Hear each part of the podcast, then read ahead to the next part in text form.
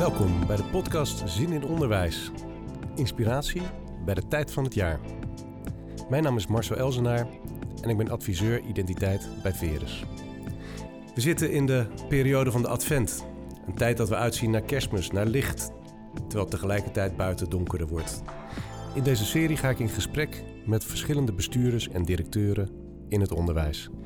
En vandaag ben ik heel blij dat ik hier zit met Anne Vreugdehil. Ik zie echt uit naar het gesprek. Ik ben heel benieuwd wat jij aan verhalen met je meedraagt en waar je ons mee kunt verrijken. Jij bent de directeur van De Regenboog, basisschool De Regenboog van het bestuur Unicos in Zoetermeer. Kun je iets vertellen over wie jij bent en wat voor mooie school jij werkt?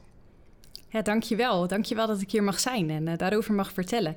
Uh, inderdaad, ik ben uh, Anna Vreugdeheel. Ik ben directeur van basisschool De Regenboog in Zoetermeer, de wijk Meerzicht. Ik werk daar al tien jaar. Ik ben daar begonnen als leerkracht, gedragsspecialist. En uiteindelijk kwam de rol van directeur op mijn pad. En die heb ik met beide handen aangegrepen. De wijk Meerzicht is een hele mooie, bijzondere wijk in Zoetermeer. Een wijk, een multiculturele wijk, waarin veel nieuwkomers in Nederland een plek hebben gekregen ook een wijk, het is een flattenwijk. Dus mijn school staat in een prachtig park. En als je om je heen kijkt, naar buiten kijkt in de school, dan zie je in dat park grote flats. En uh, in, in die flats wonen onze leerlingen. En uh, die nemen daar natuurlijk ook hun verhaal uit mee, uit die flat, mee terug naar school. Mooie verhalen, maar ook verhalen over armoede en stress in gezinnen en trauma's uit oorlogsgebieden of gewoon uit de flat in Nederland. Ja, en dan zijn jullie een basisschool. Waar leerlingen de basis voor hun leven meekrijgen. En um, volgens mij laat je in je verhaal ook wel doorklinken dat dat niet altijd vanzelf is. De basis die leerlingen meekrijgen om hoopvol in het leven te kunnen staan. Klopt dat? Ja, dat heb je goed gehoord. Dat klopt. En daarom juist is het ook zo'n mooie plek om, uh, om te werken. Om juist die kans wel te grijpen, waar het niet vanzelfsprekend is. En waar het niet vanzelfsprekend is dat je ouders altijd maar voor je op kunnen komen en de juiste spullen en de juiste tijd aan je kunnen geven. Om ook de juiste kansen te krijgen in het leven. En uh, die mooie taak die hebben wij dan als school. En uh, ja, daar geven wij in ons onderwijs dus ook uh, vorm aan. Juist die kansen creëren voor leerlingen van wie dat niet vanzelfsprekend is. Ja, en dan is het volgens mij nog wat anders om daar als leerkracht te werken of om directeur te worden. Hoe ben jij directeur geworden? De vorige directeur ging weg en uh, ja, die vroeg mij: zou jij alsjeblieft directeur willen worden op deze school? En niet alleen hij, maar ook uh, de bestuurder van Unicos uh, ja, zag dat in mij en had dat vertrouwen ook in mij. En voor mij was het een kans om uh, mijn invloed ja, te vergroten en nog meer mensen hoop te kunnen geven in hun leven. En dat is ook de reden waarom ik het uiteindelijk gedaan heb. Waar baseerde je op het vertrouwen op dat jij dit kon? Het was een sprong in het diepe, dat moet ik er zeker bij zeggen. Maar wel een sprong met een missie. En ik wist dat als ik deze sprong nu niet zou wagen, dat de treinen weer voorbij zouden gaan. En, uh, en dat ik dus ook niet op die manier invulling zou kunnen geven aan die missie. En, uh, en daarom ben ik gesprongen. Toch een beetje Pippi Langkous. Beetje Pippi Langkous. Maar ja. wel een Pippi Langkous met wat extra steun op de achtergrond. En wat is die steun op de achtergrond? Ja, dat is mijn geloof. Oké. Ja, ja, ik geloof uh, dat ik dit werk absoluut niet alleen doe. En, en dat voel ik ook elke dag. Ja, en dat breng je ook mee de school in als een basis ook voor je team. Ja. ja, niet met zoveel woorden, maar ik hoop dat wel met mijn daden zo te kunnen vormgeven. Oh, maar dat is mooi, want we, we, we denken inderdaad dat woorden het altijd moeten doen. Terwijl de praktijk is ook dat stilte soms ontzettend veel doet. En, um, en ook beelden kunnen heel erg helpen. En ik heb jou gevraagd van, goh, zou je een uh, voorwerp of een afbeelding mee kunnen nemen die iets te maken heeft met waar jij hoop zoekt of wat die hoop verbeeldt? Wat heb je meegenomen voor ons? Ja, dat kon voor mij maar één ding zijn en dat is een regenboog. Een regenboog, laat ja. hem eens zien. Dit is hem. Oh, dat is een heel lief klein regenboogje. Een heel lief klein regenboogje. Van de kamer van mijn zoontje. Daar zag ik hem staan. Ik dacht, oh, deze moet mee. Ja. En hij heeft twee, um, twee soort van wolkjes aan beide uiteinden. Dus er staat hier geen, gouden, geen pot met goud um, aan het eind van de regenboog. Het is bijna meer een poort. Hoe, uh, hoe, hoe zie jij die regenboog en waarom is dat een symbool van hoop? Ja, de regenboog uh, van origine is natuurlijk het, het, oude verhaal uit de Bijbel. Na een moeilijke tijd op aarde verscheen de regenboog als teken van hoop en troost. En uh, wij kregen wel eens van een inspecteur mee van jullie zijn zo goed bezig als school, maar de naam van je school is nou niet bepaald origineel. Zou je daar niet eens over nadenken? Ah, daar heb ik even over nagedacht. Maar al heel snel kwam ik tot de conclusie: als er één school is in Nederland die de naam De Regenboog verdient, dan is dat deze school. Want die regenboog staat voor hoop en troost. En net zoals in de Bijbel het verhaal vertelt van een moeilijke tijd, eh, zijn er onze leerlingen ook vaak uh, uit een moeilijke tijd gekomen of zitten ze daar nog steeds in. En, uh, en juist onze regenboog die kan voor die hoop en die troost zorgen. Ja, dus, want dat is het, verhaal van Noach, hè? Ja. Die, nou, eigenlijk, de wereld is vernietigd, zou je kunnen zeggen, behalve Noach en, en alle dieren en zijn naaste familie. En toen ze weer op droog land waren, plaatste God een regenboog aan de hemel als teken dat, uh, dat hij de aarde niet weer opnieuw zo zou laten overspoelen. Dat is heel actueel in deze tijd. Terwijl we toch horen over stijgende zeespiegels en um, ja, toch ook de boodschap dat we een verantwoordelijkheid hebben als mensen om goed te zorgen voor de aarde, maar ook voor alle mensen het symbool eh, wordt ook vaak voor andere uh, vormen van hoop gebruikt. Ik herinner me Nelson Mandela. Die zei van wij zijn een rainbow nation, het nieuwe Zuid-Afrika. Waarin alle verschillende kleuren, rassen, culturen binnen het land ook inclusief gezien worden. Ik hoor dat ook terug in het verhaal van jouw school. Heb jij de indruk dat leerlingen dat ook zo beleven in, uh, in de wijk en van huis uit en in de school. Dat iedereen gelijk is. Dat iedereen mee mag doen. Ja, zeker in onze school. Over de wijk vind ik dat lastig te zeggen. Dat weet ik niet precies. Het is, uh, uh, de wijk Meerzicht heeft ook wel een straatcultuur. En die brengt hele andere waarden en normen met zich mee, zoals we allemaal wel weten. Maar in onze school hebben we daar oog voor. Zoveel oog dat het echt prioriteit nummer één is. Dat kinderen zich fijn en veilig voelen. En ja, daar werken we dus ook heel erg hard voor. En dat resultaat, dat, dat voel en dat zie je in de school. En dat merk je ook aan de leerlingen. Ja. kun je een voorbeeld geven van een leerling waar je dan aan merkte van die, die bloeit op in de school of die krijgt er iets mee wat hij van buiten niet had? Ja, een, een, mooi voorbeeld is misschien wel een jongen die wij vorig jaar in groep 8 hadden. We gingen op schoolkamp en uh, hij had zich nog niet opgegeven voor dat schoolkamp. Nu is dat bij ons altijd uh, wat gevoelig, want het kan ook best zijn dat het gaat om geld. En uh, dat mag nooit een reden zijn. Dus wij betalen uiteraard het kampgeld voor iedereen die dat niet kan betalen. Maar bij hem kwamen we er niet goed doorheen. En we wisten ook dat in de straatcultuur hij daar uh, een behoorlijke rol speelt in de wijk. En het misschien ook wel een, gevalletje van status was. Van ja, dat schoolkamp, hè, dat, dat is me te min, daar wil ik niet mee. Uiteindelijk, vlak voordat groep 8 vertrok, had ik nog een gesprek met hem en bleek dat hij niet mee durfde te gaan. Hij uh, komt uit Syrië en heeft daar een, uh, een groot trauma opgelopen, vreselijke dingen gezien en meegemaakt. En sinds die tijd nooit weg geweest bij zijn ouders. Letterlijk nooit uit huis geweest, behalve naar school en in de, ja, in de wijk Meerzicht. Meer kende hij niet. Hij durfde niet.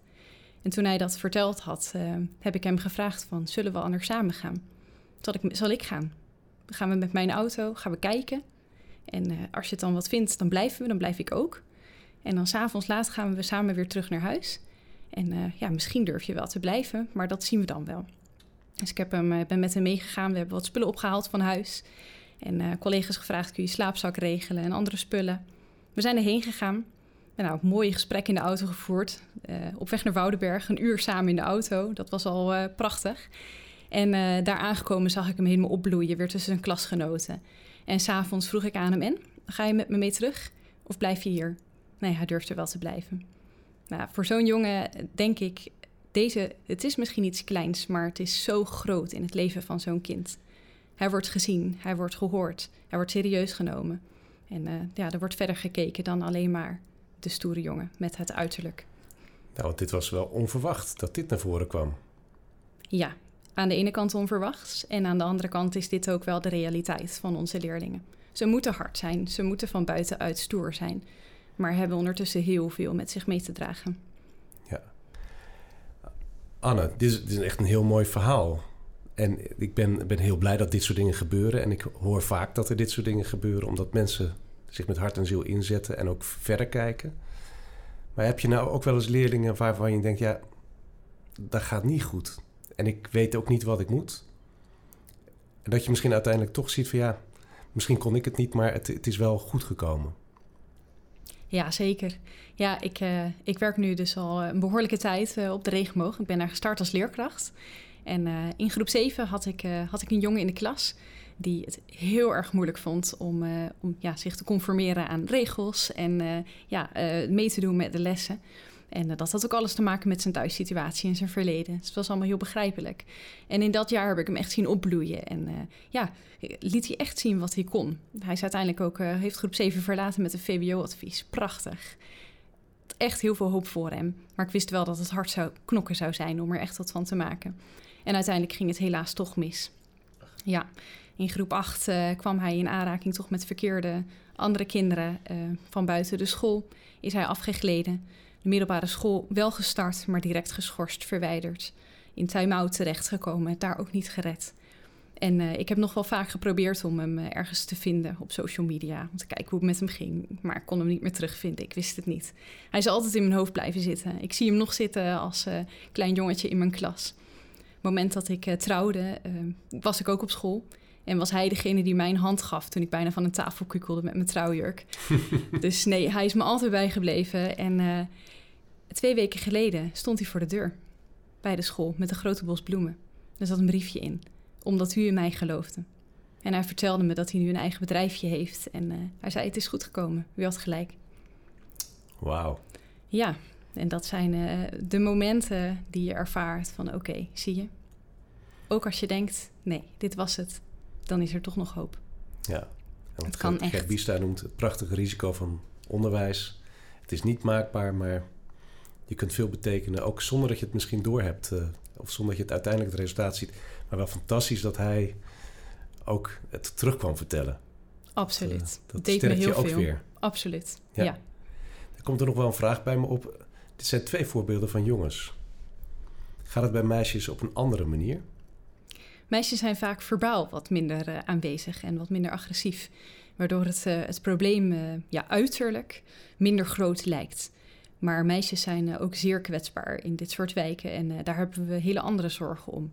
En uh, ja, moet je weer veel meer aandacht hebben voor gezonde relatieopbouw. En ja, daar oog voor hebben. En grenzen leren bewaken als meisje in deze maatschappij. Als je dat niet van huis meekrijgt, is dat een hele belangrijke taak om wel ergens dat te leren. Ja, ja. Zo heeft elk kind ook zijn eigen aandacht nodig en ook zijn eigen ja, stukken waarin ze gezien of gehoord moeten voelen. Absoluut. Geworden. En ik moet daarbij denken ook uh, aan uh, dat citaat van een Amerikaanse schrijver die zegt, schrijfster, die zegt: Kinderen onthouden niet wat je gezegd hebt of wat je gedaan hebt, maar ze onthouden hoe ze zich voelden terwijl ze in jouw klas zaten, terwijl ze in jouw aanwezigheid waren. En dat is natuurlijk de basis waarmee je er ook bent. En ik heb het idee dat, uh, dat jij wat dat betreft heel veel draagt.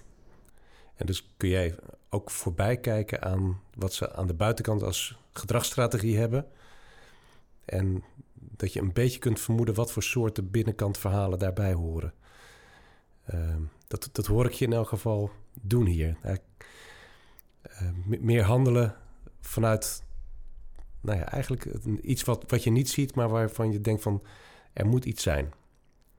Daarom ben je wel echt een, uh, een onderwijsmens... wat ook voldoet aan de criteria van Lea Dasberg.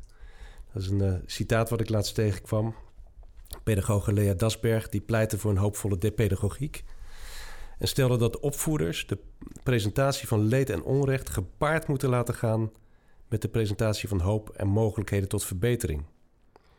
En zij zegt, dan bestaat er eigenlijk geen andere pedagogiek dan pedagogie van de hoop. En het sluit natuurlijk aan bij de, ook een beetje de, het, verhaal van Rutger Brechtman: de meeste mensen deugen. Um, de meeste, niet allemaal. Um, maar dat je wel eigenlijk juist als pedagoog op zoek bent naar het goede waarvan je veronderstelt dat het er is in elk mens. Ja. Ja, en als ik daarop mag aanvullen, dat geldt natuurlijk niet alleen voor de kinderen, maar ook voor hun ouders. Ook deze ouders hebben vaak een hele harde buitenkant. En die kan op vele manieren tot uiting komen, waarvan je misschien ook afkeurend zou kunnen reageren. En, uh, en dat is wat ze ook vaak natuurlijk meemaken in hun leven: afkeuring. Ja, en ja je, je reageert boos, je reageert uh, vanuit een trauma, maar dat is niet te zien. En uh, op die mensen die, die geven wij hoop door ze een tweede kans te geven. En ook te zeggen: het geeft niet. Ja, je hebt geschreeuwd. Ja, je bent heel onrecht. Te, veel boos, te veel boosheid heb je laten zien. Maar het is oké. We snappen het en de volgende keer doen we het weer anders. En dat krijgen kinderen ook mee. Dat hun ouders ook daadwerkelijk mogen zijn wie ze zijn. En dat het oké is. Ja. Dat, dat, dat, dat, vraagt veel van je. En je gaf aan het begin al aan van ja, je geloof uh, helpt je om dat ook te dragen. Um, ik kan me voorstellen dat dat binnen de school een belangrijke plek heeft, ook in het team. Dat tegelijkertijd iedereen zijn eigen bronnen heeft. Hoe doe je dat binnen het team om hier goed voor iedereen te zorgen? Ja, het team eh, vraagt om dezelfde zorg als de ouders en de kinderen. Dus proberen zoveel mogelijk uh, ja, ook wel voor ze weg te houden en, uh, en op te kunnen lossen. En altijd te handelen vanuit goedheid en rechtvaardigheid en liefde. En naar het team, naar de ouders en naar de kinderen. Dus ook begripvol te kunnen zijn naar een teamlid. Wat op dat moment ergens mee zit en, en tijd en ruimte nodig heeft. Ja. En dan niet te denken, oh, ik heb geen vervanging. Oh, moet ik het allemaal gaan doen? Nee, ook dat teamlid mag gezien worden. En mag dat voelen. Ja, want je noemt even het woord vervanging. Dan moet ik opeens denken ook van ja... dat zijn natuurlijk ook situaties gewoon in Nederland in het algemeen... met leraren tekort... dat het soms juist op, uh, in dit soort wijken ook het, nog het lastigste is... om uh, je formatie uh, rond te krijgen. Dan hebben we een hele technische kant even van dit verhaal. Um, maar je, je, moet het met elkaar toch maar doen en ook die krachtbronnen goed weten te onderhouden. En ik heb geleerd dat het daarvoor ook van belang is om af en toe de luwte op te zoeken. In jezelf of met elkaar, ook als team. Dat doen we vanuit Verus natuurlijk ook vaker met teams. Even zeggen we heel eventjes los van het praktische en het regelen. Wat, waar gaat het nou eigenlijk over? En wat, wat zien we allemaal? Wat komt er met de leerlingen de school binnen aan signalen over de samenleving? En hoe, ja, hoe kunnen wij daar goed in staan? Doen jullie dat soort eh, gelegenheden? Hebben jullie dat soort gelegenheden ook met elkaar? Of is dat ook nog iets waarvan je zegt, nou daar is misschien nog af en toe iets meer nodig? We hebben drie speerpunten in de school. En een van die speerpunten is uh, traumasensitief onderwijs. En uh, de drie speerpunten komen om de beurt weer langs als wij een dag uh, met het team hebben.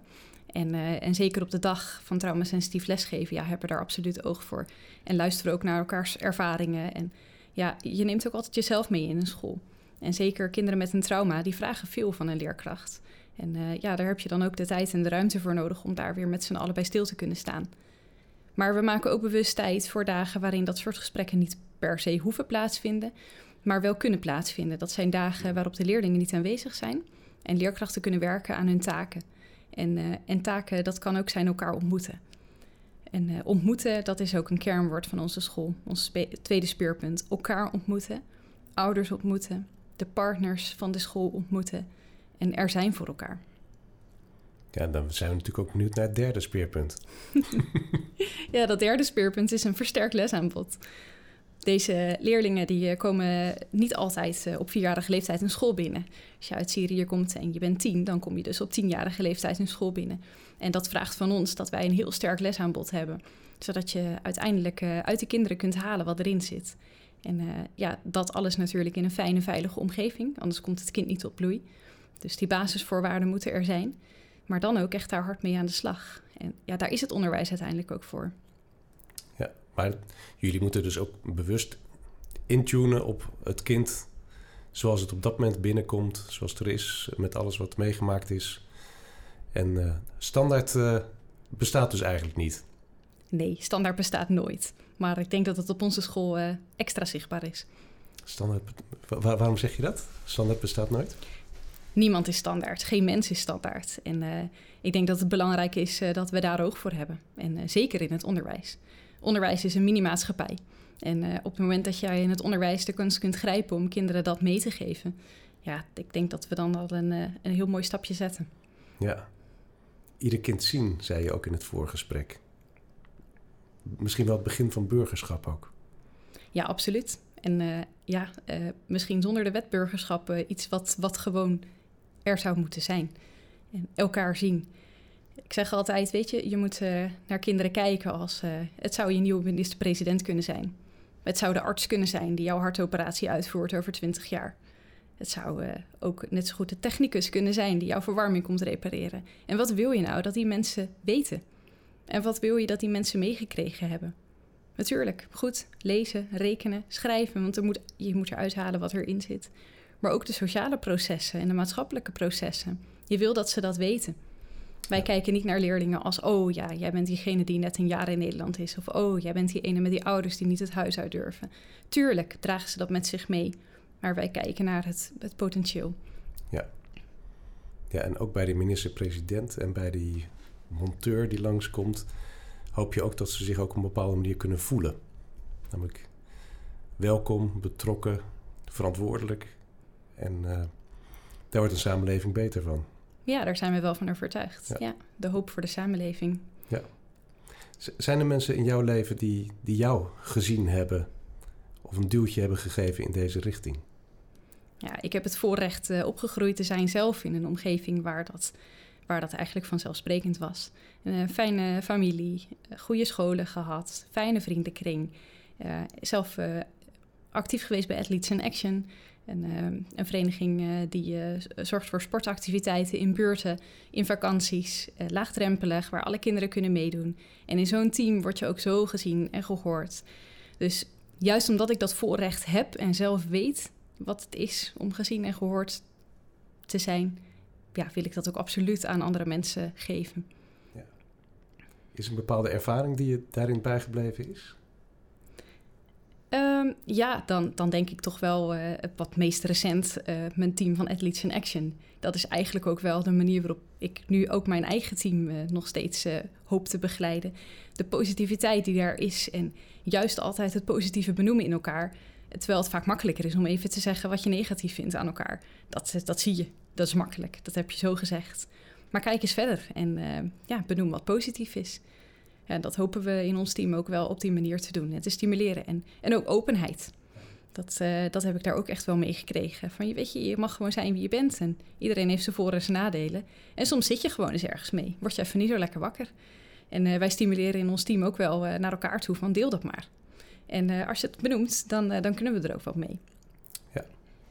En je hebt ook iets van muziek meegemaakt, waar ook eigenlijk, ik moet daar nu aan denken, omdat ik in hoe jij nu praat ook iets voel, resoneren van ja, die, die, die, die, die kracht van, uh, van, hoop en positiviteit. Wat heb je van ons meegenomen voor muziek? Ik heb een liedje meegenomen dat heet uh, Salt and Light. En uh, dat is een lied nou ja, wat, gaat, wat over God gaat, die ons licht is en ons zout. dus ons smaak geeft aan ons leven, hè, hoop geeft in ons leven. En, uh, en dat lied, dat, dat gaat er ook over dat wij dat zelf ook mogen zijn. En uh, ja, dat is altijd wel mijn hoop. Dat ik dat in elk geval mag zijn op de plekken die mij gegeven is. Dat ik daar uh, licht mag brengen. En ja, salt, hoop mag geven. Oké, laten we eens gaan luisteren.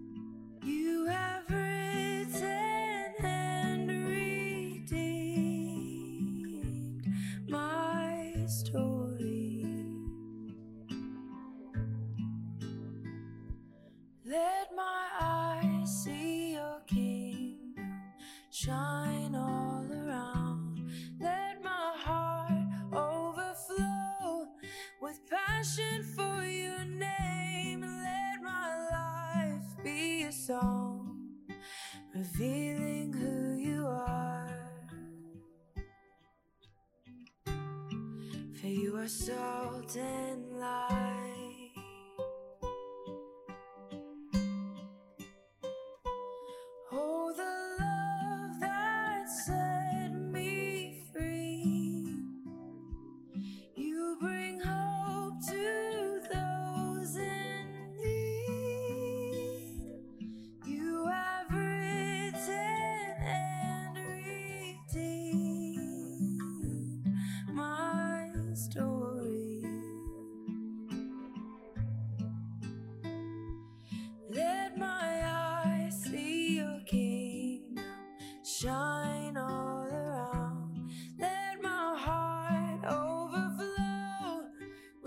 passion for your name. Let my life be a song.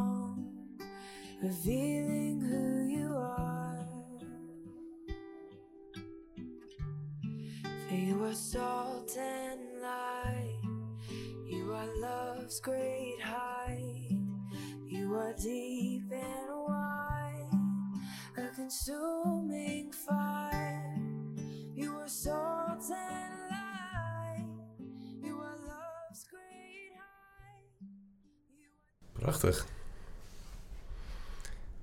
Let my life be a song. Revealing who you are.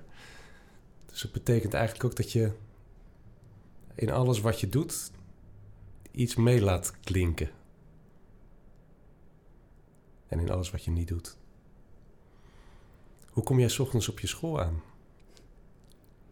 Ja, voor ik, eh, als ik op school aankom, eh, ja, dan is dit ook altijd wel even wat ik door me heen wil laten gaan.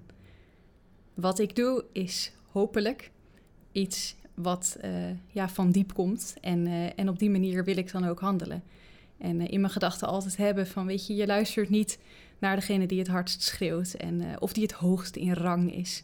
Hoe makkelijk is het om te luisteren naar mensen die veel macht hebben? En hoe moeilijk is het soms om te luisteren naar mensen die dat helemaal niet hebben. En hun boodschap op een soms nogal verpakte manier naar je brengen. En dan toch voor, juist voor die mensen kiezen. En dat is wat ik me elke dag voorneem uh, als ik op school kom. Ja. Nou, dat is denk ik ook een hele mooie uitnodiging om mee te, mee te geven aan uh, iedereen die luistert. Om de zachte stemmen te horen. Of de stemmen achter de harde stemmen. En daaruit ook te merken van wat voor wat er kan gebeuren als mensen daarin gezien en gehoord worden. Dat is echt heel mooi. Dankjewel. We sluiten daarmee deze podcast af. We hebben een, uh, volgende, een volgende gast in het volgende gesprek. Dat is Peter van Dijk van de Goudse Waarde. En ik ben ook heel benieuwd wat hij te vertellen heeft. Dankjewel. Dankjewel.